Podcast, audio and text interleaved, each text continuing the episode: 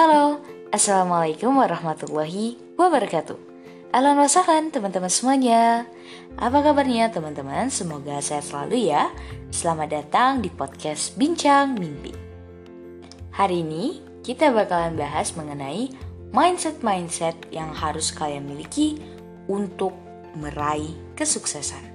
Gue pribadi meyakini bahwa kunci kesuksesan ialah bagaimana kita bisa memiliki mentalitas orang sukses dan mindset yang benar.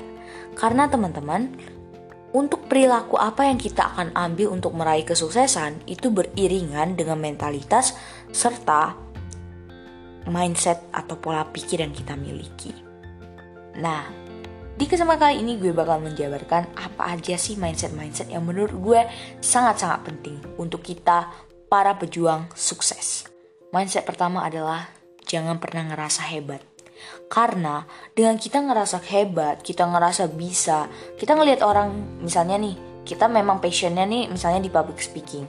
Terus kita ngira misalnya ada orang nih lagi ngomong depan umum, lalu dia mungkin melakukan kayak grogi atau apa. Lalu kita menjudge gitu loh. Kayak ih, gue bisa lo lebih hebat dari dia, gue bisa lo ini. Kayak merasa lebih gitu mungkin secara pengalaman, secara yang lain-lain, kita jam terbang kita mungkin memang lebih tinggi daripada dia. Tetapi teman-teman, kesombongan itulah, kesombong benih-benih kesombongan atau merasa lebih baik dari orang lain itu yang harus kita hilangkan. Bukan bukan masalah memang siapa yang lebih hebat, siapa yang lebih kompeten apa-apa, enggak. Tetapi kesombongan itu akan memupuk kita untuk tidak mungkin tidak saat itu kita hancurnya, tetapi lambat kayak dia memakan memakan diri kita. Lambat laun dia bakal menghabisi diri kita. Oke kita mungkin waktu itu kayak merasa kita lebih hebat secara apa ya secara kemampuan dan lain-lain. Tetapi bisa jadi saat kita menghadapi situasi yang sebenarnya kita belum ada di sana. Misalnya kita selama ini cuman bisanya pidato atau cuman e, terbiasa untuk berpidato gitu kan misalnya kita debat gitu kan kita nggak bilang kita ngatain kayak debat itu ah mudah lah gue kan bisa ini ini ini. Nah mindset merasa bisa merasa lebih hebat padahal kita tuh nggak pernah nyemplung di sana langsung atau mindset merendahkan orang lain karena kita sudah pernah nyemplung langsung itu menurut gue adalah hal yang sangat-sangat harus kita redam kita kubur kita hilangkan dari mindset kita. Karena Ketahuilah teman-teman, kita harus open ke orang lain. Kita harus siap menerima apa pun pelajaran dari orang itu, baik buruknya. Walaupun mungkin dia secara pengalaman kurang dari kita, tetapi ingat juga bahwa waktu dia untuk belajar jauh lebih banyak daripada kita. Dan dia gak mikirin hal kayak kita, setoksik kita misalnya, atau sekotor kita pemikirannya gitu kan, tentang ranah perlombaan tersebut dan lain-lain. Carilah celah orang lain itu gimana lebih baik daripada kita gitu itu memang hal yang harus kita train ya karena gue nggak menutup kemungkinan kalau misalnya orang yang udah latihan pun bisa jadi dia tanpa sadar gitu memiliki mindset seperti ini. Tetapi bila kita menyadari mindset ini salah, kita akan lebih mudah mendeteksi bahwasanya ini memang harus dihilangkan gitu. Jadi menurut gue pribadi, teman-teman kita harus banget menghilangkan mindset-mindset yang merasa lebih hebat dari orang lain, yang merasa kayak gue bisa padahal kita belum tentu bisa kayak dianya gitu. Bukan berarti ini kita harus pesimis tuh enggak. Tetapi kalau kita ngerasa ah bisa lah aku kayak dia itu tuh kalau aku tinggal belajar aja aku bisa gitu. Tetapi yang harus kita highlight kita nggak tahu tuh seberapa banyak perjuangan dia. Apakah kita memang mampu untuk melakukan seperti dia? Hal-hal se seperti itu menurut gue. Yang harus kita pertimbangkan juga saat mengatakan sesuatu.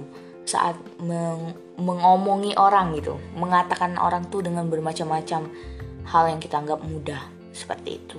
Itu teman-teman. Karena gue pribadi percaya sukses itu step by step nggak bisa sekali jadi nggak bisa kayak kayak lo mau bangun candi gitu perambanan kayak mintanya tuh ya sehari semalam gitu. Nggak bisa. Itu step by step. Dan setiap step itu kita harus hargain apa pun step orang lain kita harus hargain. Di mana pun dia posisinya. Karena itu nggak mudah teman-teman. Karena itu tuh nggak mudah. Karena saat kita ngestepin anak tangga menuju sukses kita tuh bukan ngestep pakai kaki tapi kita tuh ngestep pakai seluruh badan kita. Yang kita mau moving yang kita mau pindahkan ke step berikutnya. Misalnya nih teman-teman mau meningkatkan jam terbang dalam public speaking. Teman-teman ikut lomba pidato sekali mungkin uh, kayak gemeter banget yang kedua atau ketiga masih gemeter banget gitu kan. Nah maksud gue jam terbang dari eh, pidato pertama dengan kedua itu kan istilahnya tuh udah meningkat tuh. Tetapi bisa jadi teman-teman tuh belum naik step gitu. Hanya meningkatkan saja. Pas mau naik step lagi udah kayak mulai apa ya terbiasa lah dengan rana-rana seperti itu gitu. Hal-hal seperti itu yang perlu kita persiapkan untuk menuju sukses. Mindset yang kedua teman-teman adalah jangan ngerasa cukup.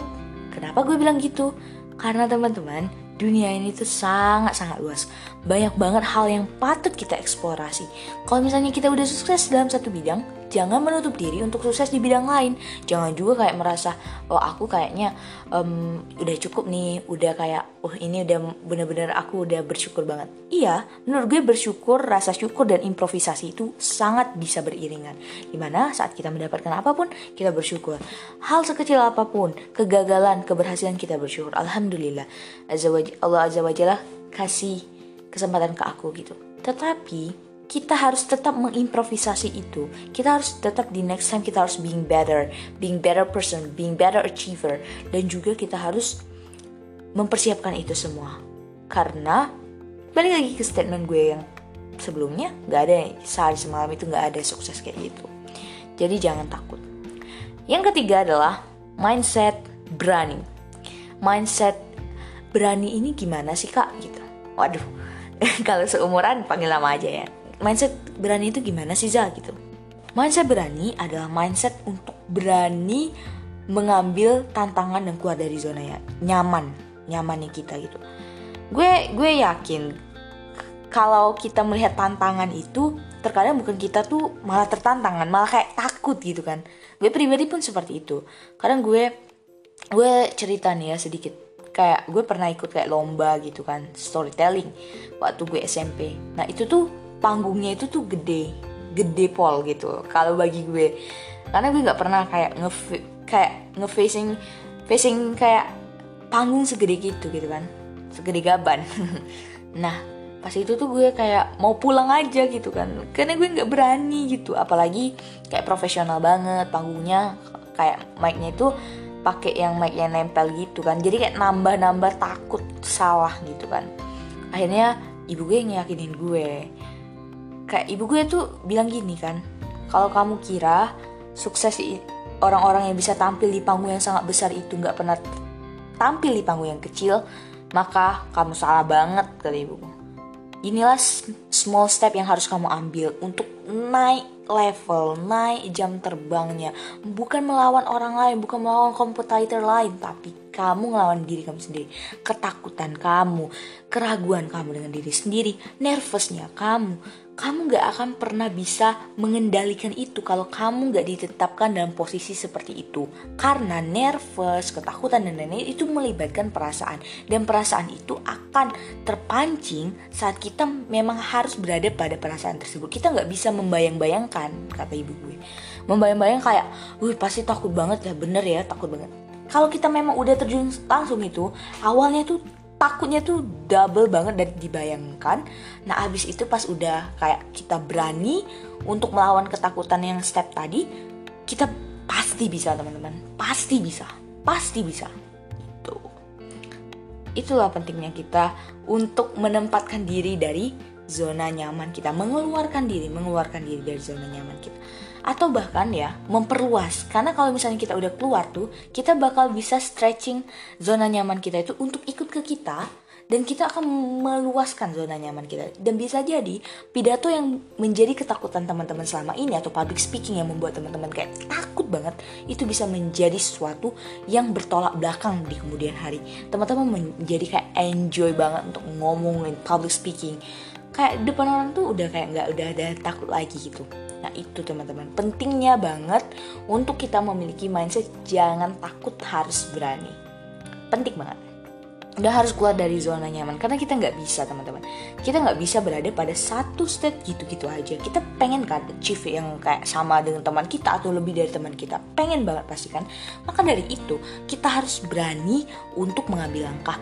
Apa sih langkah selanjutnya yang harus dan patut kita ambil untuk menjadi lebih baik? Being the better person itu penting banget. Jadi jangan takut dan harus keluar dari zona nyaman.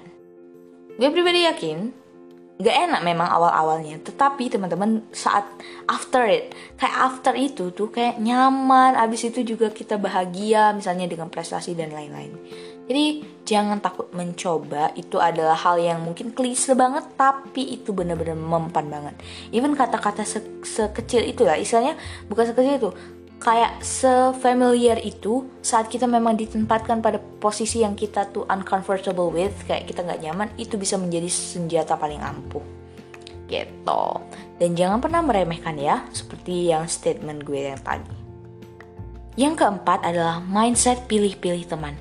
Gue pribadi baru menyadari kayak circle itu tuh sepenting itu. Karena dulu gue kayak ya berteman berteman dengan semua tapi memang ada beberapa teman deket gue. Dan gue nggak merasa kayak misalnya oh ada temen gue yang misalnya konotasinya itu kurang baik kalau dia masuk ke circle gue gue jadi ikutan kurang baik juga. Gue nggak gue nggak agak nggak nggak percaya gitu kan.